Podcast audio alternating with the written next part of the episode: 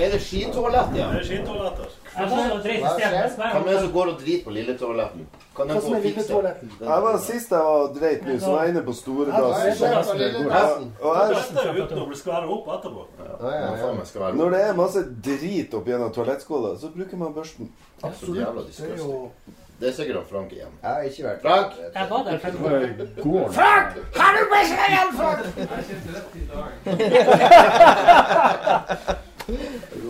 Det her er akkurat, det her er akkurat som Golden the Clock over. Jeg tror det er Mats som har drept det!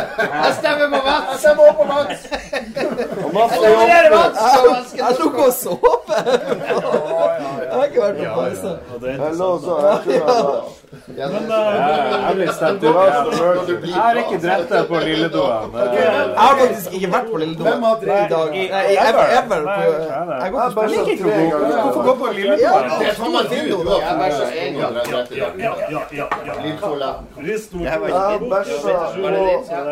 Jeg kan røpe at Jeg jeg tar opp lyd fremdeles. Mega-content. Så det var litt lyst.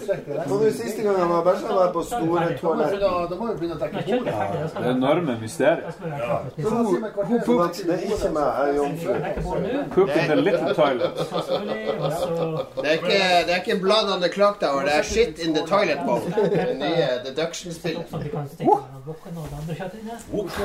Ja, nå skal DJ JC har drukket whisky, Spesial gin. get, get in there. JC. Ginen som slippes på toppen. Bare rør litt rundt, så blir det jævlig bra. Ja, jeg skal lage den sausen, ja. Eh, Noen må, noen må dekke bordet. Decking the table. Dekking the table. Kan noen av de som ikke gjorde noe som helst og... Er det lenge igjen? Ja. Halvtime, tre kvarter. Greit. Skal du dekke bordet? Ja, vi ser. Er det lenge igjen? Det er tidlig middag. Det er før halv åtte. Hei. Mitt navn er prinsesse Martha Louise. Jeg er din guide i episode 440 av Lolbua. Du er nå på hyttetur med gjengen. Først møter vi Vidar. Han er ekspert på å melke sæd og rogn fra laks. Han skal også gi oss oppskriften på hvordan vi lager det perfekte mennesket. Nei, altså Det er ikke så veldig romantisk. Det blir jo bare å henge det opp på slaktelinja. da. Så det blir jo sløyt. Så vi eh, tar jo bare og bedøver fisken, og så tar vi ut for rogn eller gonader for handfisken. da. Gonade. Ja, det er altså Gonadene er jo de der Skal vi si sånn der hvor du har eggene eller melken. da. Så um, det blir jo um, Og de blir bare altså de blir bedøvd, og så blir de uh, bløgget og hengt opp. Og så tar vi ut eggene og tar ut melken. da. Så den befruktningen skjer jo der i eksternt i sånn, uh, sånn bolle sant, hvor du får befrukta eggene. Eggene i en bolle. Hvilken bolle? Nei, altså du, det er jo sånn eh, En hovfisk og laks der, sant? de har jo sånn to-tre kilo med rogn i en hovfisk. Egg. Som er ubefruktet. Så du tar dem bare opp i en sånn, eh, sånn bakke, sånn svart bakke, sånn, med sånn plastikkbakke. Og, ehm, og så bare legger du setter den oppi det, og så tar du melke oppi, altså sperma oppi eggene og bare befrukter. Som en sånn eggedosis, liksom. Nei, du må være veldig forsiktig der. Er ikke ødelegge eggene. Så du gjør det veldig forsiktig, men du får miksa rundt, og så eh, befruktes det veldig fort. Det er snakk om 10-20 sekunder, så er alle eggene befrukta. Men, eh, men har du eggene til masse damer, blir det sånn Nei, vi kjører én egg. Vanligvis én egg en hovfisk. Så du har jo sånn Hvis du, du tar typisk sånn der kanskje et par hundre fisk på en dag, da.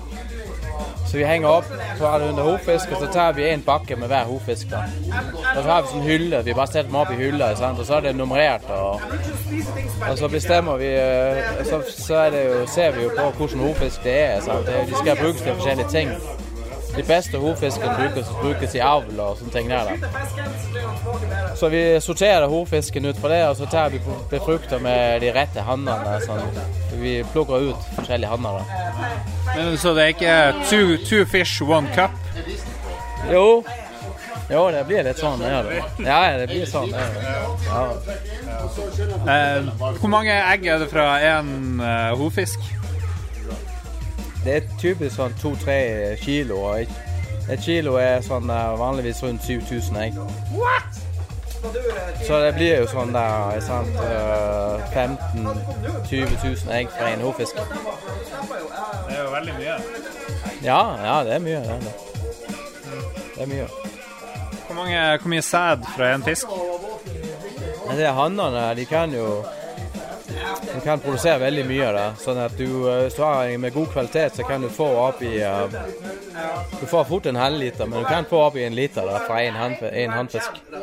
Du trenger, For å befrukte en hovfisk, så trenger du bare kanskje en sånn fem Eller egentlig bare to-tre milliliter. Veldig lite. Så, vi, så du kan Én uh, En hanne kan befrukte flere hundre hovedfisker. Eh, men eh, vanligvis så vil jo en uh, hannfisk Den vil jo spre sin sæd ut i sjøen, der hvor dama har lagd rognene sine. Og så er det sikkert noen sperm som er bedre egnet og flinkere til å svømme til eggene. Men uh, nå så får liksom alle det lett. De bare rett inn i egget. Hva skjer med liksom uh, kvaliteten på fisken da? Nei, altså de um, Ja, det er sant, det er sant at det blir sånn de får, Det blir mye lettere for, for spermen å befrukte eggene. Masse sånne halvt sånn Mye sånn ekstra kromosomfiskbarn og sånn. Nei, altså det er veldig bra. øh, De, er- de fleste De fleste spermcellene er veldig bra. Er topp kvalitet. Sånn at det, det blir bra, det gjør det. Altså, det, er ikke noe, det er ikke noe problem sånn sett. Har du prøvd å befrukte en bøtte med kvinnefisk? Ja, øh, hvert år. Mange ganger. Tusenvis av ganger. OK. Eh, Hva må til for at et menneske krysses med en laks? Nei, det um, Nei, det er godt Kan vi få det til? Nei, det er helt umulig. Nei, det som er Altså, du kan krysse Du kan krysse brunørret og laks. For de er såpass lik genetisk. Du kan lage sånne hybrider, da. Får du en sånn donkey da, eller hva du får da? Ja, ja, du kan få en sånn steril fisk. Det kan du godt.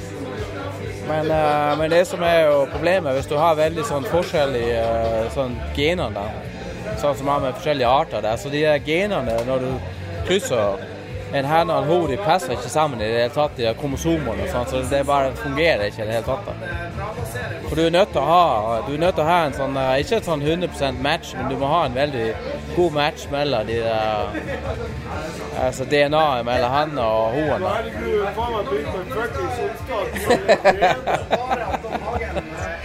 Men hvis du putter genene for armer og bein i, eh, i en, en, en fisk, kan de gro ut og se litt ut som et menneske? Ja, det kan de jo sikkert. altså, fordi de har jo utgangspunktet så kommer jo Mennesker kommer jo fra fisk opprinnelig. Og du har jo de der og de der som regnes som sånn litt sånn ulfisk som på en måte De har jo litt sånn der lemmer, på en måte. Litt sånn der føtter og sånt. Så ja, det går helt sikkert an. Hva heter de her fiskene som, varer i 500, som lever i 500 år? sånn? Det er jo sånn Grønlands grønlandshai og sånn. Altså, de er haiene. Altså, de er Greenland shark og sånn. Kan man kombinere det med laksen? At laksen varer i 500 år? Ja, men hva er du Altså, du Men eh, de lever jo De kan leve ganske lenge, laksen, hvis de har bra forhold. De kan leve sikkert i sånn 10-20 år, da. Men, eh, men den, eh, altså de fiskene som lever veldig lenge, der, sånn som de haiene, noen haiarter, de har jo veldig lav stoffskifte. da. De er, beveger seg veldig sakte. Sånn at de har sånn kaldt vann og sånt, så de er veldig forskjellige fra laks. da. Eller er de det? Ja, ja. Nei, men det er veldig spennende. Det er jo Men Har du fått noen nye tanker om raseteori i det siste? I forhold til mennesker, altså.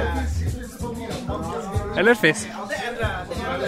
Ja, um, nei, altså ikke noe bortsett fra at det rasebegrepet på mennesker er jo egentlig øhm, Altså det, jeg skjønner jo i forhold til at du, du kan jo snakke om det er litt forskjeller, altså, men de forskjellene som er mellom mennesker og rasene, er jo, er jo så små. Det, har altså det er utrolig små forskjeller, sånn genetisk.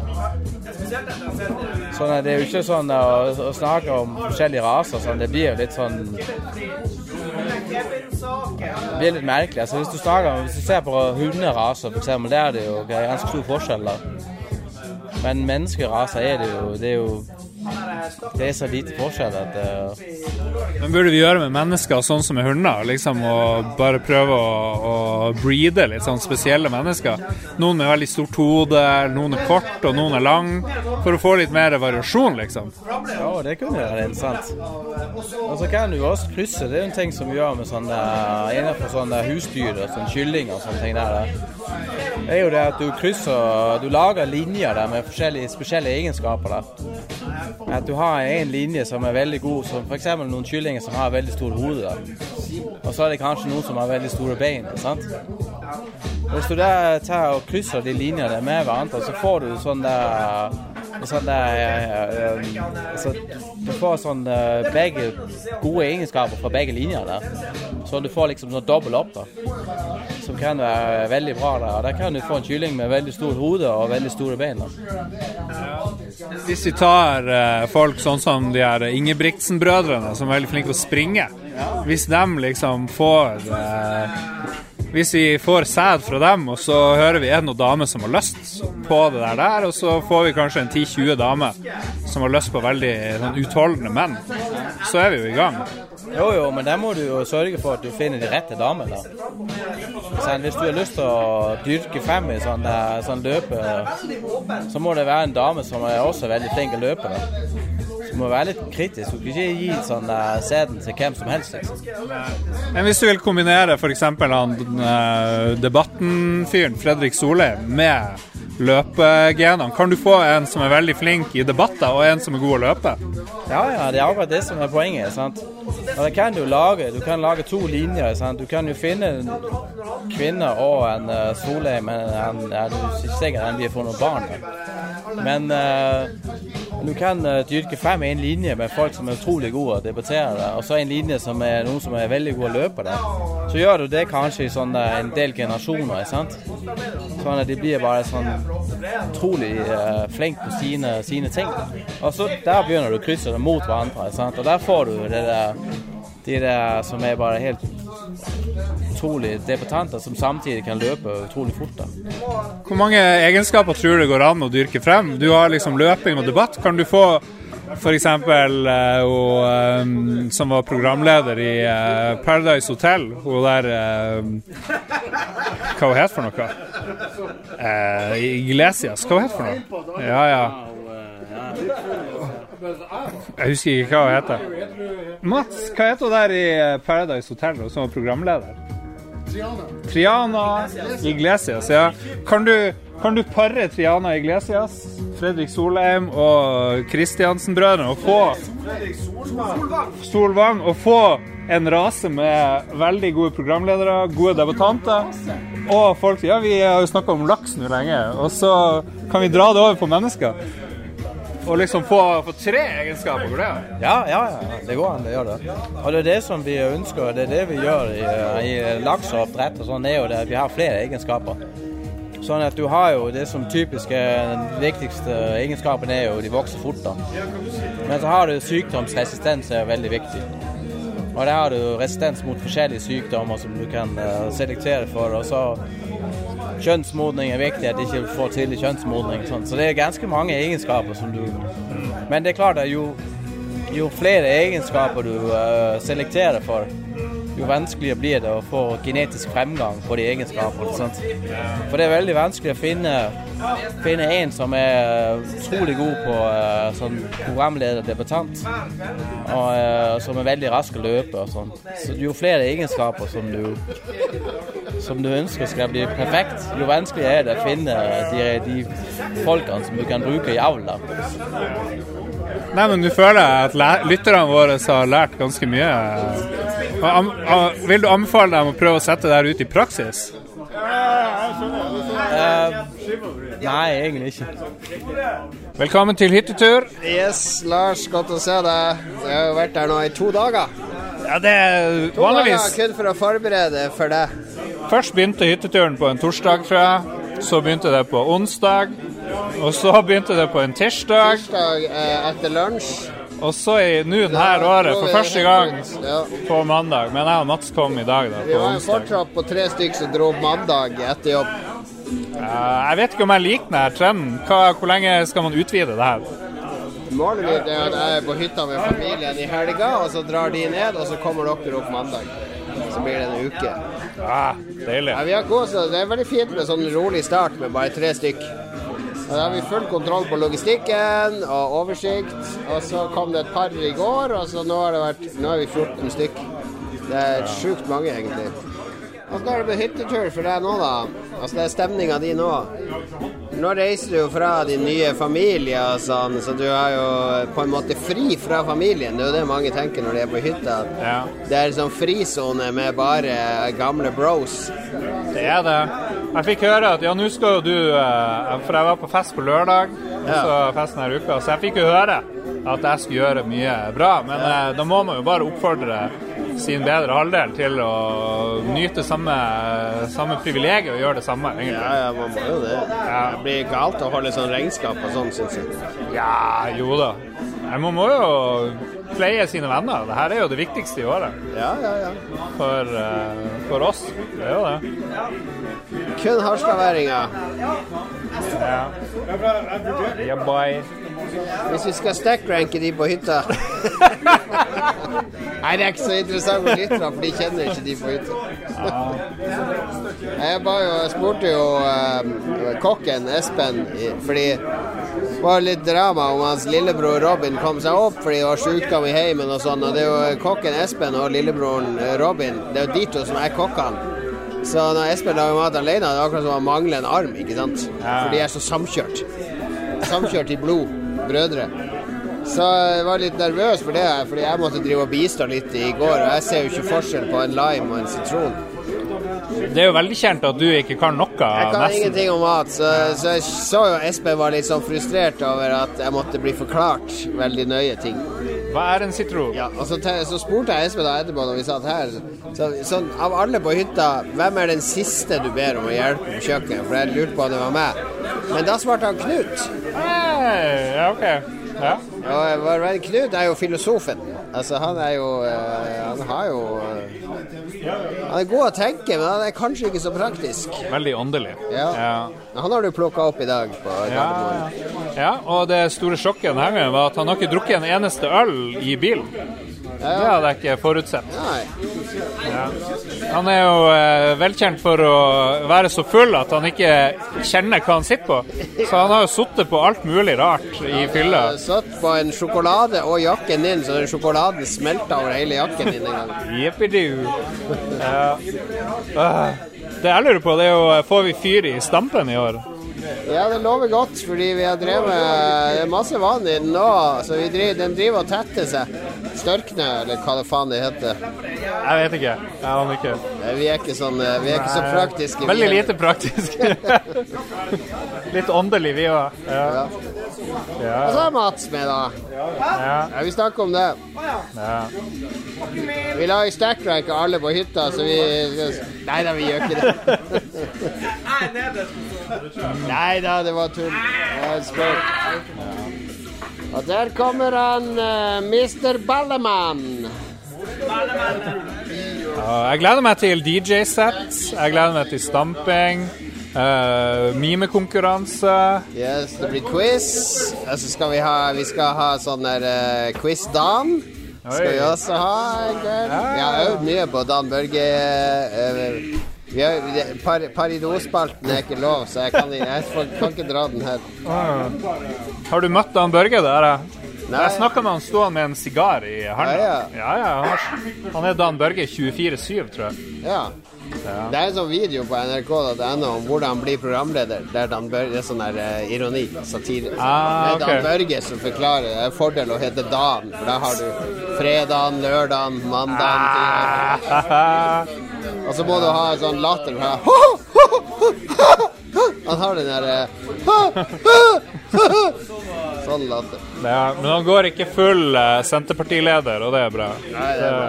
Han holder seg akkurat i skinnet. Ja, han har en legendarisk introduksjon av um, Bombadilla Life på bomarkedet som ligger på YouTube. Den har jeg studert.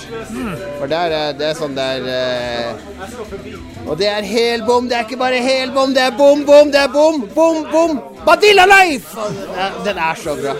Den, den er en magisk navn. Ja, to, to YouTube-klipp som er bra. Det er den, altså når han brekker seg nede i Afrika. Skal har du ikke sett det? Han skal lukte på en sånn Vi kan se det. Er det din telefon? Det er min telefon. Det er eh, 1800. Vær så god, jeg vet alle det. Jeg trodde det var 88. Ja, 88, 88. Nei, nei, nei. Eh, Kom nytt eh, Hva heter det for noe? Han uh, brasilianske DJ-en. Skal vi se. Hvis du søker på Dan- Dan Børge Akerø brekker seg. Det er det øverst, ikke Ja, sant? nå blir det react. Og så må vi ha masse lyd. nå. han nede i Afrika, eller hvor han er? Læringsprosessen har foregått da i disse dunkene, hvor en også da skjenker opp i mjødlignende krus. Jeg skal bare se om jeg kan få lov til å lukte litt på det. Jeg, Veldig ekle lyder allerede. der. Det er for oss helt, helt faktisk Det Han bare lukta. helt, helt forferdelig. Eh, Og hva det er oppi her Han bare ga det fra seg. Altså, Å, herregud. Den er sett eh, 409 000 ganger. Dan Børge Akerø brekker seg.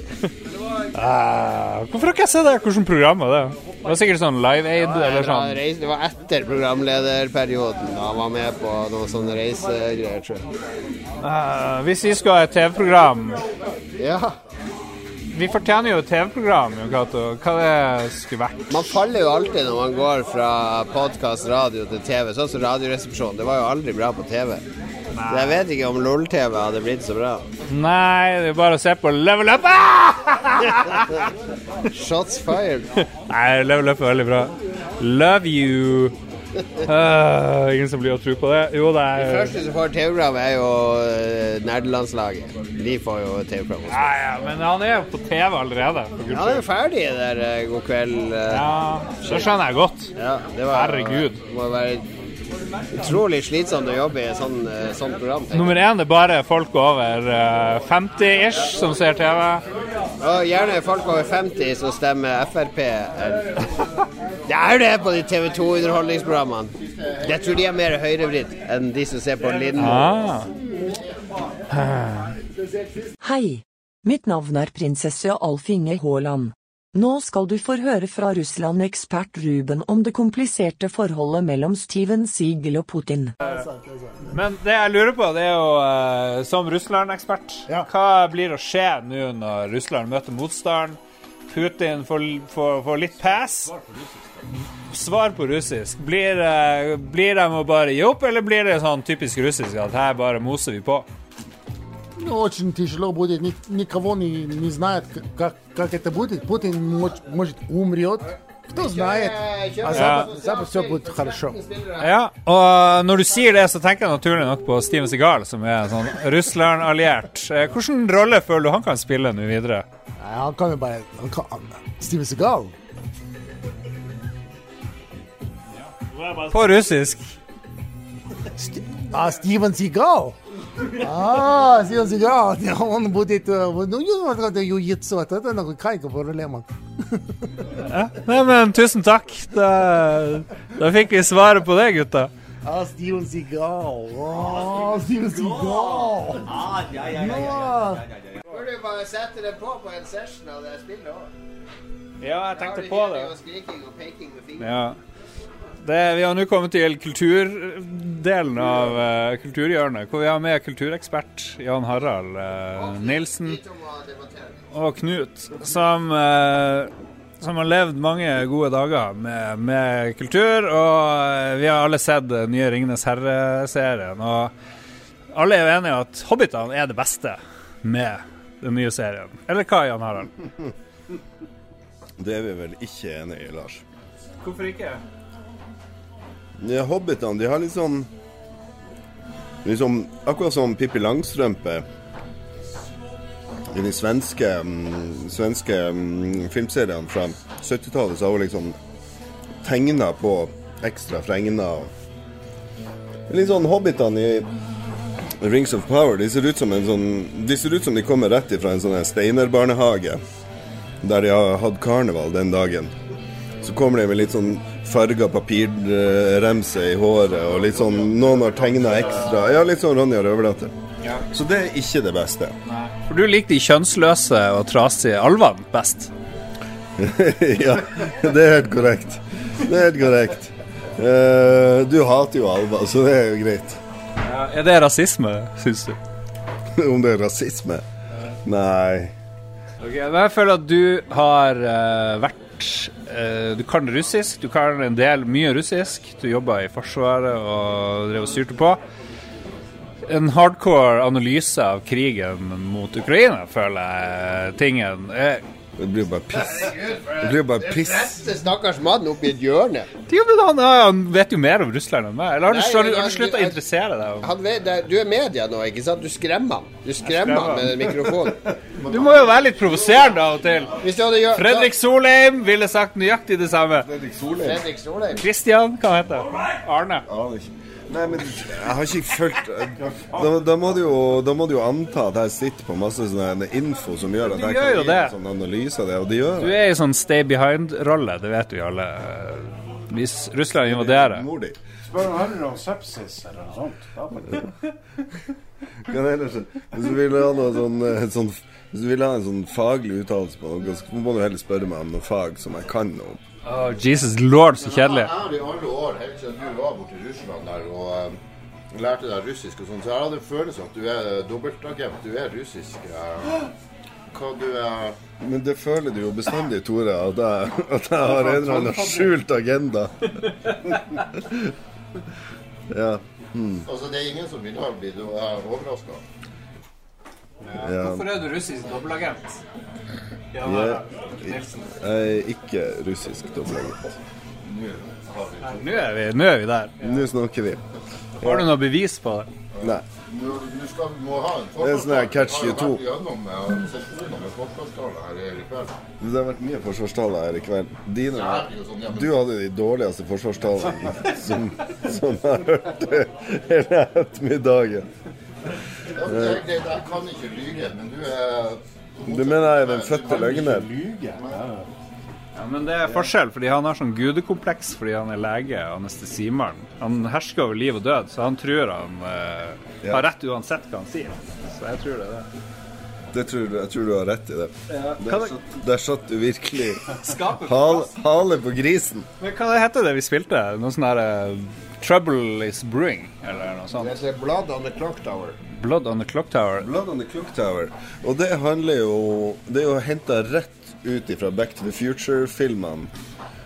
Der, der det er mye det klokketårnet der lynet slår ned, og så er det da at Ja. Ja, men det, for det handler om å reise i tid. Eh, Mye, mye reising i tid og rom. Nå blir alle å Finne ut hvem som er biff i gruppa, og få han eliminert. Før, før han kan eliminere noen andre. ja, Vil du eh, anbefale det spillet du beskriver akkurat nå? Absolutt. Det er nok det beste. Syns du at det gikk litt tregt, det intervjuet her, Lars?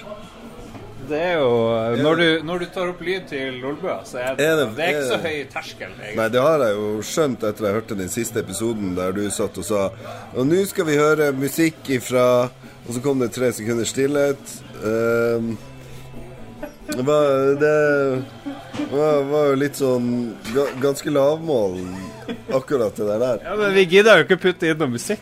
Med litt magisk klepping så kommer det her til å bli jævlig bra. Ja, takk. Takk, takk. Litt klepping, så, Så- blir det bra. Ja. Jeg lagde jo en spesialepisode med han Joakim Strandberg. Har du hørt den? Nei, den har ikke jeg hørt. Den ble lagt ut for patrions. Ja, den, ble lagt, den er åpen for alle. Ah, ja. Den ligger på vår Patrion-side. Om Russland, eller hva? Ja, Nei, om dronning. eh, dronninga. Han er jo ekspert på historie og kongelig og sånn, så jeg, jeg lærte masse. Herregud, for en kunnskapsrik lytter. Jon burde jo egentlig ha en sånn samehets spesialepisode. det er, jo samisk sjø. Jeg har jo det samme kvenblod sjøl, så man må jo kunne hetse sin egen eh, opphav. Mm, Linda som jeg bor sammen med, tror jeg kanskje hadde vært litt uenig med deg i akkurat det. Mulig. Mulig. Ja. Skal vi gå over på samehets? Det, nei, det skal vi ikke gjøre. Du må jo ha noe å bidra med i denne podkasten.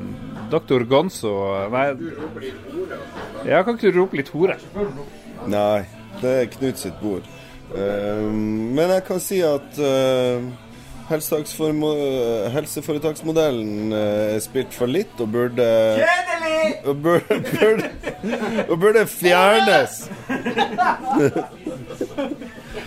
Ja, fordi ikke vært Må ikke gi meg skylda for det. også. Før at helseministeren, når den ble innført, tok livet av seg han Tore Tønne, så hadde den vært ødelagt for lenge siden. Spennende. Det høres ut som Enig, Torbjørn. Det er sånn typisk sånn Anne Cecilie-sutring. Hva har Tore Tønne med det her å gjøre? Han tok livet av seg. Han, han med den der Stavanger-sangen? Ikke Nå tenker du på Tore Tønne, en gammel mann. Tore Tønne. Var det Han var jo helseminister, og så skulle han innføre Han helseforetaksmodell. fant det oppi skauen ved Lier, Liertoppen. I en bil. Seg selv sånt. Sånn at på grunn av at eh, han har liksom blødd for Arbeiderpartiet, så nekter de å Ja. Han har dødd for Arbeiderpartiet, iallfall. Så derfor så tror jeg ikke at det Har du noen gode helsetips å komme med? Du Ja, absolutt. Absolutt. Uh, det viktigste helsetipset er vel at uh, man ikke burde drikke alkohol. Ikke forgifte kroppen sin med, med giftstoffer. Ja. Da lever man lenger. For det gjør vi ikke vi her. Nei?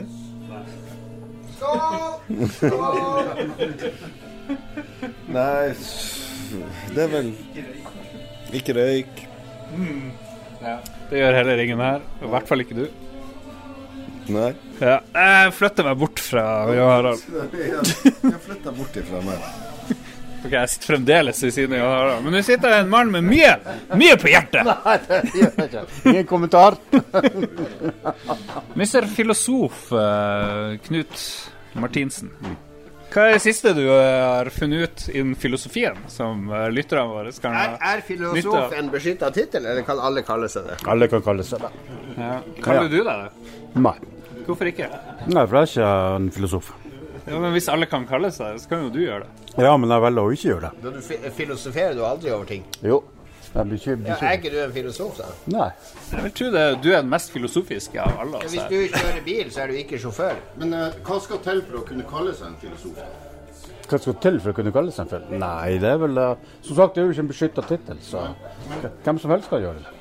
Per-Willy Amundsen kan si at han er en Ja. filosof. Filosoferer ofte over innvandring. Ja, hva er det? Har jo hverdagsfilosofer, og det har jo eh, Så det er ikke en Hva må til for å Flirosofer finnes det jo. Og, uh... ja. Hva skal til for at du kaller deg filosof? Du har jo studert det i kanskje 20 år nå. Nei, det er lenge siden jeg slutta å Ja, ja. gjøre det. Hvordan går det med hovedfaget? Kommentar. Begynner å være- Hva det var der med et vennligsinna intervju? Det var- Du har krav på samtykke for det. Ja, det er det. Lars kan alt om det han er i Ja, det er ok, det, det, det satt på en pause. Ja. Det var en pause, ja. Ja, ja, ja, det er en pause. Ja. Så. Hvem det var du så studerte mest av filosofene? Nei, det var vel eh, Wittgenstein, det.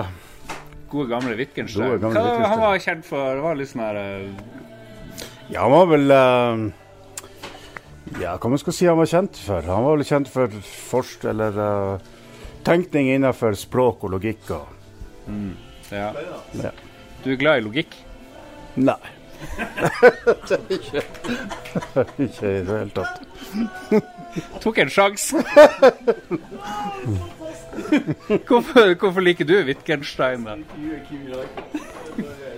Jo, jo, for han eh, skriver om eh, språk og logikk. Men liker du ikke Er du sånn språkpedant? Nei, ikke egentlig. Vi har mye lukka spørsmål. Jeg skjønner at vi er på Vi må åpne det opp. Ja, vi må åpne det opp. Hvem er den eh, mest idiotiske filosofen, da? Jeg vet at han Jordan Peterson blir kalt for filosof. Å ja, oi, oi, ja, Oi, oi. det er current events. Hva er galt med han? Han snakker, han sier jo sannheter. ja, da, ja, hvis han sier sannheter, så eh, Ja, det blir ikke noe mer å si, da. Men ifølge deg så tar han feil. Hva, hvor er det han bommer? Nei, jeg ser bare at han går veldig Han, bare- han går altfor langt utover sine premisser. Så han uh, konkluderer med masse ting. Er det han som skrev Wheel of Time? Han er jo sånn hotshot som alle sånne her unge gutter elsker som psykolog. Han skrev, han skrev en bok, en sånn selvhjelpsbok for unge menn. Den boka er for så vidt ikke så ille. For den har sånn genuint gode råd om å prøve å Ja, det forbedre deg dag for dag og sånne ting. Sånn ti- ti tips. Få få Ja. fokus. Og den er ikke så ille, men etter det så har han forsvunnet ned i en sånn her eh, kaninhull av uh, alt, Altså alt-right-folk elsker han fordi han er mot uh, likestilling og Mm. og så prøvde han en sånn diett med å bare spise kjøtt, og da holdt han vel på å daue. Og så Nå snakker han jo bare sånn usammenhengende svada. Alle, Ja. alle som er intervjua med han, er jo bare tull. Er en av de som mener at damer ikke er flinke å lukeparkere, rett og slett. Ja, ja. I den gata, i hvert fall. Um, men jeg ser det er jo John Peterson er Han var jo i Oslo eh, nylig. Ja. Han fylte ikke Spektrum, men det kom masse Ja, masse fra det. Masse Ja. unge incels for å få med seg Jordan. Jeg så Per Willy og andre Frp-er ja. og veldig glad. De elsker For det er kulturkrigen, ikke sant? Det er kulturkrigen som han har blitt en del av. Mm.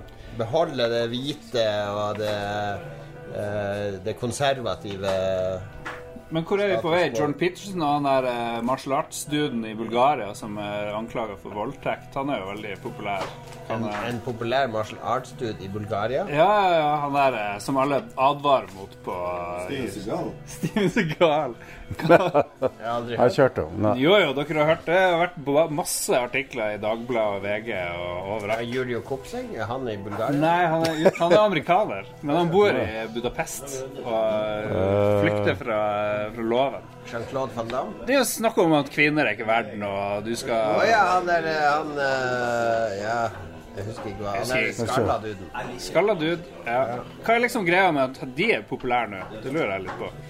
Jeg tror jo at eh, mange unge menn er i en identitetskrise i forhold til hva det betyr det å være mann. Eh, før var det jo Du var jo ganske privilegert, og du hadde en klar forved om at du skulle jobbe på fabrikk eller, eh, eller bli kontorist og sånn når kvinnene var hjemme.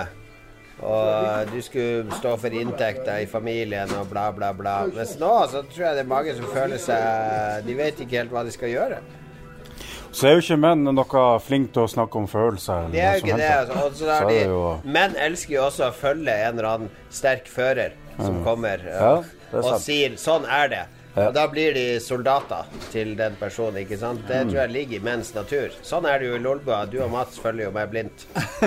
Jeg skal akkurat si, vi er jo ikke sånn eh, Vi kjenner jo våres Vi vet jo at vi ikke vet alt. Og Ja, ja, ja. Men eh, tenk du, vi var jo usikre vi òg som eh, 18-19-20-åringer. Det er jo der folk forsvinner ned i det kaninhølet Mm. og begynner å klage på Little Mermaid og Skihulk og Så gjør de alt til en sånn kamp, og så finner de et fellesskap der de finner likesinnede og tror at de kjemper for en eller annen viktig sak. Mm. Nå våkna Mats! Vi har tatt masse Hallo, ja. bilder av deg der borte. Der borte i Lenins mausoleum. Ja, Mats har våkna. Du må komme hit, Mats. Eh, Du må fortelle om hvordan det var å sove ute en natt eh, som en ekte survivor. Nei, det ble jo ikke, det ble jo ikke natt ute. I hvert fall, det feila første natt. For jeg har en ganske dårlig sovepose. Hva var eksperimentet? Nei, det var bare å uh, se om de kan ligge i hengekøye ute i skogen her. Uh, men så tok jeg bare med den eneste soveposen jeg hadde hjemme. Og det var bare sånn nullgrader. Og det var akkurat i grenseland, så da gadd jeg ikke ligge og fryse. Vi har ikke fått snakka noe om det her spillet vi spilte nå. Uh, Et eller annet bråk i byen. Clock Tower. Ja. Det, det burde egentlig hete 'Henrett vennene dine'. Hva heter spillet igjen vi spilte? Blood on the Clock Tower. Hvorfor heter det det? Nå, jeg backa det på Kickstarter for to og et halvt år siden. Fordi jeg, av og til så får jeg sånne veldig rette signaler fra folk jeg føler. Og så sa det her var sånn bløffespill, altså next level werewolf, mafia-greier. Ja. Og så tenker jeg ok, det høres bra ut, det er jo sånn hyttespill. Og så hadde jeg jo helt glemt det av. Plutselig så dukka det opp en her hentelapp på bunnpris, og selvfølgelig sånn eh, momsdrit på 400 kroner eller noe sånt. Dro og henta den tunge pakken, og så bare Hva faen er det her for noe? Som jeg har bestilt. Og så bladde jeg litt i det, så Ja, det er jo egentlig perfekt for hytta. Og det ble jo gøy. Det kan være, vi har hatt 14 13 spillere, tror jeg. Hvor mange kan man være? Det er 20 spillere. Oi, oi, oi. Så det er jo klassisk med en sånn der eh, slem spiller som dreper folk om natta, og så eh, masse gode spillere som har forskjellige powers, som skaffer informasjon. Og så er det masse sånn paranoia. Er informasjonen riktig eller ikke? Lyver han? Er han egentlig? Altså bla, bla, bla. Men det blir de gangene vi har spilt nå, så har det blitt, det har blitt veldig forskjellige omganger. Det har blitt veldig sånn forskjellige flyt og Pluss at det Vi har testa ut soldier-meteren. At impen eh, later som han er soldat. Fungerte veldig bra første runde, men ikke andre runde, for da slutt, ja, da, mm, det er brukt opp nå. Men det, det som er det ekstra elementet her som de andre mangler, er at jeg har jo rollen som storyteller, så jeg har jo oversikt over alle og hvem som vet hva om, og gir folk informasjon. Og storyteller har òg litt makt. Det er ikke sånn eh, veldig mye makt, men jeg har litt makt i forhold til at eh, det er jeg som styrer hva er desinformasjon og hva er ikke. Hva slags desinformasjon får folk hvis de skal få falsk informasjon. Så at Storyteller får en viktig rolle med å prøve å balansere det. Hvis man ser at de onde sliter, så jeg, prøver jeg å gi informasjon som gjør at de snille blir mer forvirra, og motsatt. Så det, er en sånn, det er et sånn ekstra element i det som de andre sånne spill mangler. Nei, men Det var veldig gøy. Jeg ble drept først to ganger på rad. Det var ganske tidlig tredje gang. Ingen som stoler på Lars. Det er barten, Lars. Ta barten, skal du se at du overlever neste runde. Uh, fuck. Men jeg ble fortalt. Jeg smilte for mye, var noe jeg fikk høre. Frank er jo fantastisk i sånne spill, for han, han snakker seg sjøl inn Ja, i et hjørne, og så Ja. blir det hjørnet til en labyrint, og så er han tilbake i et hjørne. Og Frank prøver å prosessere alle eh, eventualiteter på en gang. Veldig bra sånn hyttespill. Men det er vel kanskje for litt Jeg vet ikke om det Det er vel for litt eldre. Tror du ikke det? Ja, Det er vel noe det kanskje krever jo for, en som eh, vil være den storytelleren, ja. for det er litt sånn der uh, organisatorrolle. Og så bør det være minimum syv spillere, og det er jo ikke alltid like lett å få til. Men her på hytta er det jo perfekt. Ja. Nei, det var veldig bra. Jeg anbefaler, men jeg hata det ganske mye. Det må jeg si. Du er veldig passiv når du spiller det spillet. Jeg følte jeg drev og sa en del, i hvert fall i starten. Og den siste runden da tenkte jeg skulle være litt roligere, men eh, jeg ble jo drept med en gang, så det, Det- Du levde jo en stund i den siste runden. Du vet, Det er jo alltid noen sånne sterk, såkalte sterke personligheter som skal si noe hele tida. Som elsker klangen av sin egen stemme. Og den er, Altså, det er alltid gøy, når, fordi det er jo flere som er onde. ikke sant? Det er jo en ond hovedperson, og så er han sånne minions. Det er alltid gøy å se hvordan folk blir når de er onde. Fordi det er, det er et eller annet eh, stressfaktor der som gjør at uh, Nå må jeg prøve å oppføre meg som jeg ikke er ond, men Uh, ja, det, er, det er veldig gøy for meg som vet, å se at, hvordan folk blir litt sånn rare. Nei, jeg De som vanligvis prater mye, sånn som Mats, blir veldig stille når han er ond. ikke sant? Han blir litt sånn For det var eh, For jeg hadde fått kritikk i runden før at jeg var så eh, høylytt. Ja, ja, men det, det ser man jo her òg, for hvis man begynner å prate mye, så blir folk mistenksomme. Det blir et mål. Ja, det blir det. Da Så blir et mål. Mm. Ja. Jeg husker jeg busta Det er et annet sånt spill som heter Resistance, der du er sånn opprørshær, og så er det noen infiltratorer der. Og det husker jeg busta Frank en gang, for han var forræder. Fordi når han ikke er forræder, så prater han hele tida. Ja, det, det må være sånn og sånn, og fordi ditt og datt. Ja, ja, Men en gang ble forræder, så var sånn vupp! Det satt sånn stille igjen der. Så sier, sier alle Det er jo åpenbart han er forræder, for nå har vi spilt to runder. Skravla jo gått i ett, og nå holder han kjeft. Og så Frank ble sånn helt rød.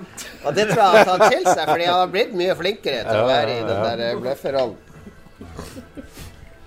Absolutely. Det er veldig vanlig å bli veldig stille når du er ond. Ikke tørre å Ja, man er redd for å si noe galt. Så. Du kan anbefale ting. Vi også, eh, jeg tror ikke alle var enige, men vi så en film som heter Possessed. eller hva det heter noe? Possessor. Possessor. Lagd av sønnen til han David Kronenberg, som uh, Torbjørn hadde med. Petter Kronenberg. Petter Kronenberg. Utrolig bra film, Torbjørn. Ja. Ja. Hvor, det, hvor man det, han, Faren hadde jo ofte sånn her eh, kobling mellom maskin og menneske. Det smelter sammen. Og det var egentlig det samme her, da, hvor man kobla seg til en sånn Matrix-aktig greie, og på et eller annet vis kunne ta over kroppen til noen andre. Som en assassin. da. Ja. Som en, som et skalkeskjul. Ja. Jeg ser på, jeg ser på coveret her at det står eh, 'The first great sci-fi movie of the decade'.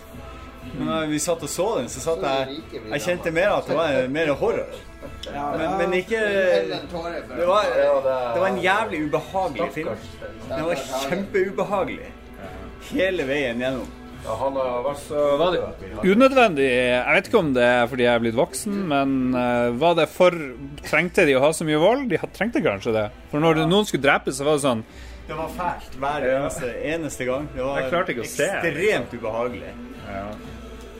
Men eh, ja, ja, hvorfor ikke? Men det er et godt tips til uh, filmfolket. Ja. Possessor. Possessor. Men det er veldig viktig å få tak i uncut version. Det, var det, det er den som er bra. Det er den vi hadde i dag. Det er uten forhud? Eh, Ja, det stemmer. ok. Er det med forhud hvis det er uncut? Ja, uncut. Ja. Ja. Er det noe jeg skal anbefale mens vi er inne på akkurat det? Eh, omskjæring. Ja, doktor, doktor, hvor mange omskjæringer har du gjort? Null. Kunne du gjort det der på hytta bare for demonstrasjonspurposes? Nei. Han er så seriøs da han er på faget sitt. Jeg kunne ikke det. Jeg, jeg syns det er dårlig idé. Dårlig idé er omskjæring. Jo, Katta er jo omskjært. Jeg er omskjært. Jeg hadde sånn sykdom på forhud. For stor penis. Det var vanskelig å trekke den tilbake. Det var er det vondt, med onani og samleie. Da er det nok en god idé, men uh, Tor- Torbjørn er jo bare sykepleier, så han kan vel Sånn religiøs eller Ja, det er bare tull. Det er bare tull. Ja, men Torbjørn Jeg er veldig er- fornøyd med å være omskjært. Men jeg kan fortelle hva jeg har spilt i det siste. Det kom en ny stor eh, patch til Cyberpunk, som blir den siste store før expansion kommer i februar. Så da begynte jeg på en ny playthrough av Cyberpunk. For det er et eller annet med Cyberpunk 2077 som bare fascinerer meg, og fortsetter å fascinere meg. Og det har med den verden å gjøre.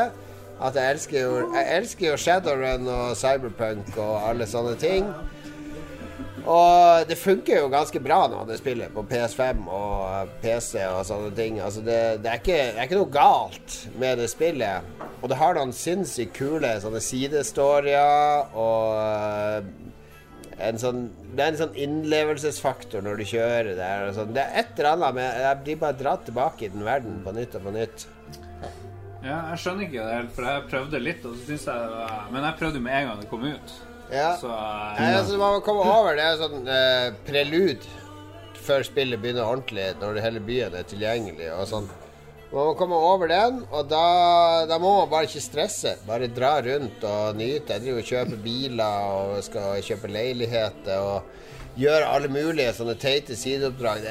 Og noe er banalt og sånn, men eh, jeg vet ikke, jeg bare, jeg bare Jeg står for den femmeren jeg ga deg. Det er ikke en sekser, men det er en sånn femmer som for meg vil det spille Det er sånn spill jeg har lyst til å vende tilbake til hele tida. Dette er Tore, mine damer og herrer. Han er aldri med på podkasten. Er det ikke noe du kan snakke om? Du, du, jeg og deg, Tore, det er åtte dager mellom bursdagene våre. Jeg ble 50 først, og så ble du 58 dager etter. Det var du som var med på den der eh, sagnomsuste turen for å kjøre Ferrari. For det er han Lico som lager Lico og Gjedas univers. Han er jo en av de instruktørene på den banen. Herregud. Da har han Tore, Tore nekter å prate. Hvorfor nekter Tore å prate på podkasten, Jan Harald? Det er for at han Tore ikke skjønner at uh, At vi bare ønsker å gi han kjærlighet og omsorg. Ja. Han har alltid vært litt sjenert. Ikke ville by på seg sjøl for mye. Altså, Det er så jævla mye bullshit der ute. Det er bare om å gjøre å snakke lire av ut av seg alt mulig slags Ja, det er bare å lage content, liksom. Altså, hvem er som er interessert? Jeg, Hvem er det som bryr seg? Jeg nevnte jo på jobb vi hadde sånn bli kjent-øvelse med sånn nytt uh, team. Og så skulle vi skrive opp noen sånne fakta om oss sjøl. Så, så skrev jeg Jeg har laga sånn 800-900 timer med podkast. Og jeg sier 'Å, herregud, hva snakker du om?' Jeg aner ikke. Det er jo bare, det er bare drit. Jeg husker jo ingenting etter episoden er ferdig innspilt. Men folk vil jo høre på det. Jeg skjønner ikke hvorfor. Hvor mange episoder har dere? Nei, det vel, eh, Jeg hører på det sjøl òg, jeg vet heller ikke hvorfor. det er episode 416. 416 episoder av Lolbua og 110 eller noen sånne episoder av eh, Spillrevyen. Ja. Pluss litt Roffelbua og sånn. Ja, men det, folk vil jo bare Det blir som å gå inn på Cheers, ikke sant? Du har noen folk du vet om, og så Folk vil føle at de er Hvem på hytta med Norm? oss. Ja. Hvem er han Norm? Hvem er han Norm? Jeg føler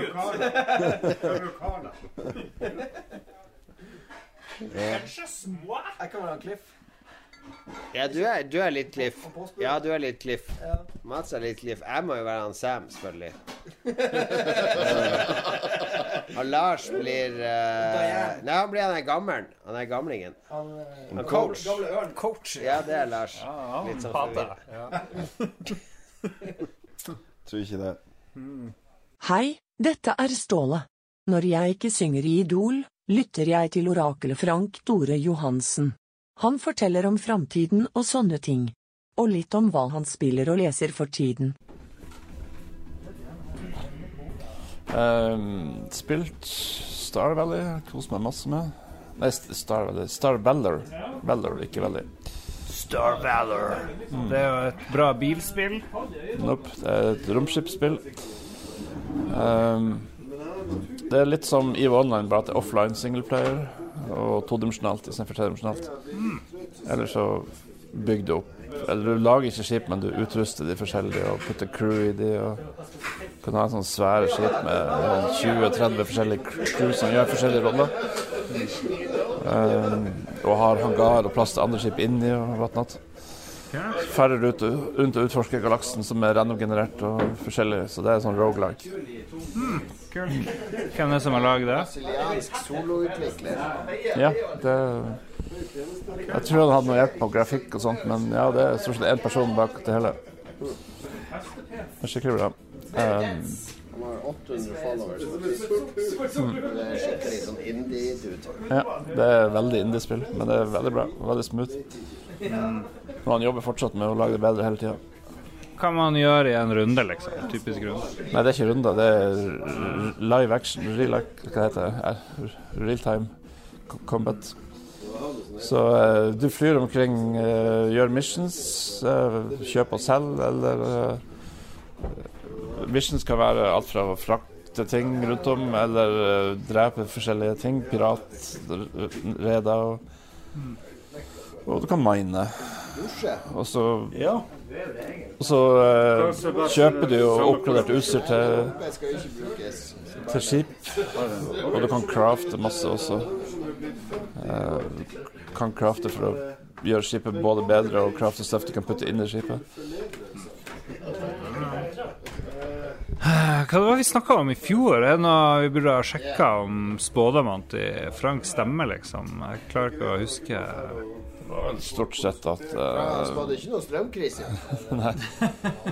Ja, og krig i Ukraina. Eller at vi måtte spare på vann i Oslo. Jeg tror, jeg tror ikke det var til neste år. Mine perspektiver var nok litt lenger frem. Du var rett i det. Ja, Men hytteturen for ti år siden, da så er det vanskelig? Da er det litt mer ute å kjøre. Um, kommer uh, krig i Europa, er det noe vi må bli vant til, eller? Ja, krigen er én ting, men uh, følgene av det er litt verre, da. Jeg tviler sterkt på at uh, Ja, hva det heter i andre landet? Moldovia ligger jo også litt sånn ute å kjøre, da. Det er ikke usannsynlig at det blir en krig, ny krig der. Men uh, siden han ikke har klart å vinne Ukraina ennå altså Det var jo nummer to etter Ukraina, skulle Moldova tas. Um, han hadde jo kjørt akkurat samme opplegget der med separatist, liksom, eh, styrker som tar kontroll over deler av landet og holder det. Så de ikke kan bli med i Nato.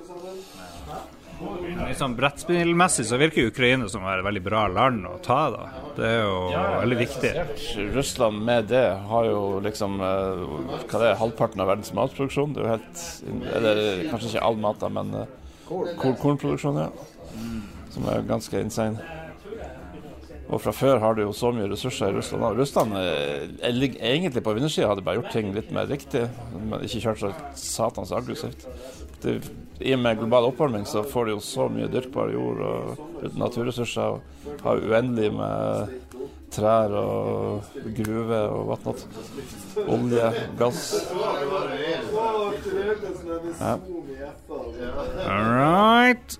Ja, hva som opptar deg for tida, som du tenker på å fundere, som uh, kunne vært interessant å diskutere? Det er de samme tingene som har vært snakk om før. Um, AI kommer stadig nærmere. Det, Mhm. ja. Jo, jo, men uh, nå er det jo allmennseie, det her med å eh, generere bilder fra tekst, f.eks. Altså, det som du har bomma på, Frank, Mm. Er at eh, ja, ja, automatisering, roboter tar over jobbene våre. Jeg har jo tenkt alle sånne fabrikkarbeidere, proletarer og Nei, det er pro- lastebilsjåfører og togførere blir uten jobb. De som blir uten jobb, er jo kunstnerne som skal tegne. Ja. Fordi AI-ene har kommet. Det var ingen som tenkte at nei, dere kommer til å miste jobben. Det er det samme for programmering, faktisk. Det kom en AI som kan programmere for deg. Du bare sier som generelt hva programmet skal gjøre. Så det er jo sånn fem år siden det kom. Eh, Så ja. Det, nei, det, det som lettest seg å automatisere, det er jo ting som skjer i den virtuelle verden, som ikke skjer fysisk, selvsagt. Som programmering, f.eks. Så alle sånne oppgaver, dataanalyseoppgaver og whatnot, det kan jo lett en AI ta over. Men vi er journalister, hvordan ligger vi an? Eh, litt dårlig om at alle nyhetene også er i den virtuelle verden. Det er ikke noe håndfast ting dere jobber med. Ja, men man kan jo ikke lage fake, fake news, da. Nei, men Du kan ha en AI til å samle inn nyhetene og aggregere det riktig. og Det, det er jo old news, egentlig. Jo da, det skjer jo litt. Fotballkamper kan lages automatisk, og strømpriser og sånne ting. Det eneste AI-en ikke kan ta over, det er der du faktisk må ut, ut i, og gjøre et gravearbeid for å finne nyhetene. Så mye koster en dusj akkurat nå, den lar seg veldig fint automatisere. Yes. Du kan kjøre konstante dataanalyser på alle oppdaterte data som kan samles inn, og så generere nyheter til det. Sammen med vitenskapsartikler og whatnot. Og der er det ikke vanskelig å lage bedre nytt enn det tullet journalistene kommer med. Når det er en ny vitenskap. Shots fired! Men AI-en kan ikke lage sånne forferdelige clickbait-overskrifter. Nei. Og det, og, og det, Det må være det letteste i verden. det lar seg gjøre, men eh, det, det, om de lot være å gjøre det, så ville det vært en pluss da, igjen, til at folk Det er jo bare å se hvilke titler genererer mest klikk, og så lager du nye titler basert på det. Og så har du AI-generert. Det som de vil, er jo at Frank får en annen overskrift enn meg. Fordi AI-en kjenner Frank, og AI-en kjenner meg. Yes, det er sant. Du kan få eh, helt Frank individuelle får Frank får fakta, eh, vitenskapstunge, mens jeg får pupper og lår. Det er et veldig godt poeng. Og du kan til og med ha samme artikkelen eh, skrevet om igjen, tilpassa den enkeltpersonen skal til, med riktig politisk vinkling og det hele. Det er ganske mange år siden siden noen aviser prøvde sånn individuelle tilpassa titler, så det, men jeg vet ikke om det var en stor suksess, egentlig. Det som er fakta nå, er jo at uh, aviser eh, Det burde du kjenne til. At aviser prøvekjører forskjellige varianter av artikler eller overskrifter og ser seertallene. Og det, det er jo lett å Ja, helautomatisere. det er jo ja, helautomatisere. Men uh, du må jo Det er veldig lurt å vite at tittelen du har, ikke er helt ko-ko, selvfølgelig. Men vi kjører jo AB-testing hele tida, eller ABCD. Og AI kombinert med krafta av feedback er nok til å lage ikke helt ko-ko. Kanskje én eller to personer ser ko-ko-overskrift, og så resten er filtrert. Men så ofte er for mennesker med tre bein og eh, soldater med sverd som kommer ut av hodet. Det er liksom AI-en er jo ikke helt perfekt da, i hvert fall. Det er litt sånn morsomt å se på avgenererte videoer hvis det har skjedd noen gang. Det ser ut som sånn marerittdrøm. altså, du, det er en av de på YouTube der eh, du ser eh, der det er generert et bilde og signert et nytt bilde basert på gamle bilder og litt input. Så blir det en film ut av det til sammen. Det ligger en bunch av de, og uh, det er som om du drømmer, liksom. Omtrent bare at det er et litt sånn halvveis mareritt. Ting kommer ut av intet, da, men det er jo ikke ulikt drømming. Absolutt. Ok, Vi kan avslutte med en spådom. Hva vil skje i 20 nest, Frem til neste hyttetur? Har vi noe Det er jo kort perspektiv. Mm. Um,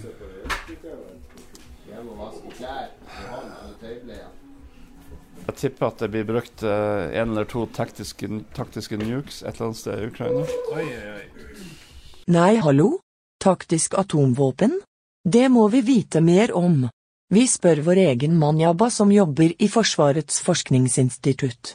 Jeg heter Tore Mikael Nilsen. Vi har, vi har drevet og snakka litt om eh, Ukraina med Frank, vårt orakel. Han spår til neste hyttetur enten offentlige henrettelser for å liksom finne noen syndebukker, eller tech nukes, taktiske uh, nukes i Ukraina. Nei, ikke tactical nukes. Nei, det tror jeg ikke. Kanskje henrettelse. Det er ikke umulig. Jeg tror ikke Problemet med tactical nukes er jo at det Spørs om det fungerer. Altså kan Kan ikke bare få nuke de, der, de rette styrkene, for å si det sånn. Eller det, det er vanskelig å bruke. Atomvåpen er jævlig vanskelig å bruke fornuftig. Det um, det er jævlig upopulært. Og så er det ødelegger veldig mye av landet. Altså, du kan ikke, altså, hvis du skal ta landet etterpå, så kan du nesten ikke få nuke det først. Um, ja, de sivile taperne blir jo enorme. Det er ganske mye styr hvis du skal ta Nei, det er Små Nei, jeg skjønner jo det, da, men det er jo Hvor lang tid eh, er dere Jeg vet altså Hvordan skal du vinne krigen med det, da? Nei, jeg vet ikke. Det, han er desperat. Terror, rett og slett. Terror. Ikke news. Ukraina kommer ikke til å gi seg fordi om du får en dem litt.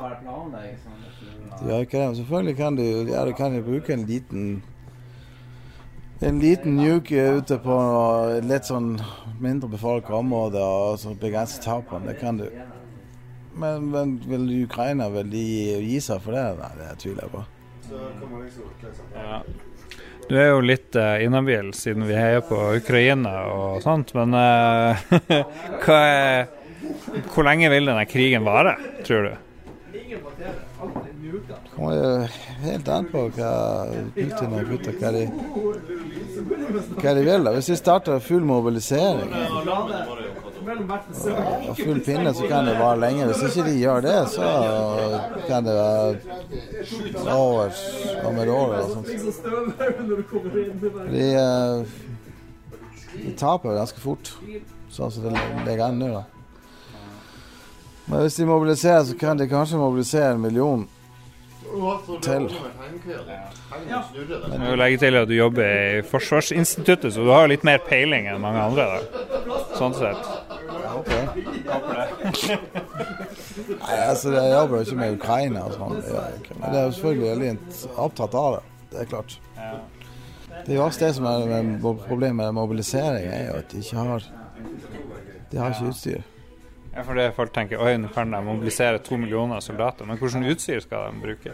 Ja, de har jo De bare begynt Nå begynner de å kjøpe fra Nord-Korea. og- Ja, gjør de det? Jeg tenkte eller- det høres ut som sånn propagandaaktig, liksom. Nei, det tror jeg ikke. Det er klart, du får ikke kjøpt eh, Det er jo ikke det Det er ikke det beste utstyret du får derfra, men du kan jo sikkert kjøpe ganske mye. Men det er, det er veldig fokus på kvantitet. Men Kan de ikke bare kjøpe masse greier fra Kina? De har jo sikkert eh, kjempelyst til å selge sine våpen. Yeah. Jeg tror ikke Kina er interessert i at Russland skal vinne. Kinesere er ikke venner av russere. De er ikke, russere og kinesere er ikke venner. Det har det aldri vært. De er konkurrenter. Og Kina er jo tjent med at Russland er taper, eller at de i hvert fall ikke gjør det bra. Så de kan kjøpe billig, billig gass og, og olje og så videre. Vi har begynt en quiz i bakgrunnen. Vi må fokusere litt på det. Er det noe ja, quiz, da.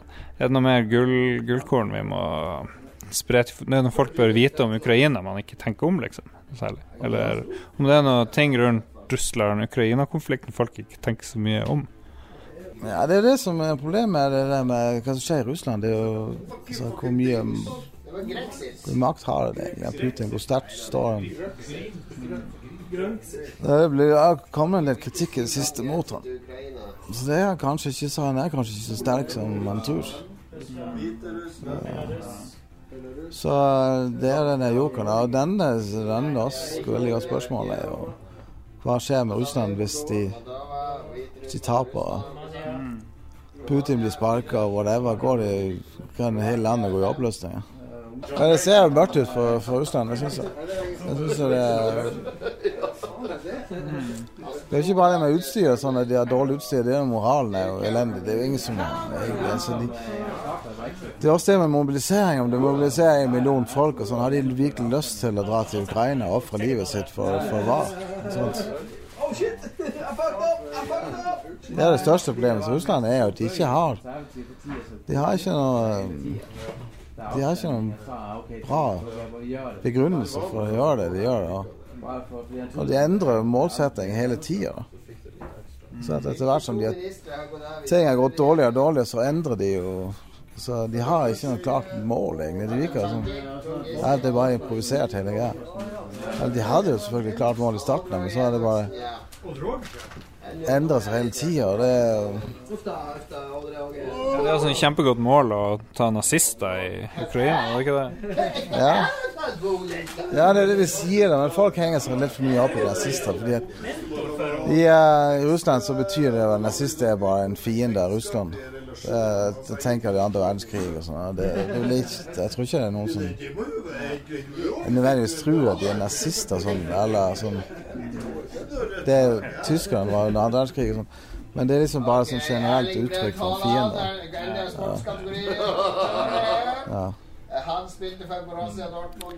Nei, men uh, tusen takk, uh, krigs- og konfliktekspert uh, Espen, som nettopp har våkna fra en god blund her. Ja. Nei, men Ja, vi spiller et quiz.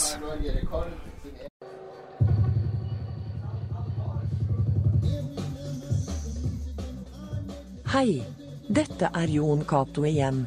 Takk for at du hørte på, og takk til våre produsenter, TTMXMP, Duke Jarlsberg, Bioslo og Tommeløng. Bli patreon du òg, og støtt Ragequit, Spel, Likos univers med gjedda og alle oss i Lolbua. PS. Stay tuned for en magisk annonsering om et stort event som vi jobber med. Det blir awesome.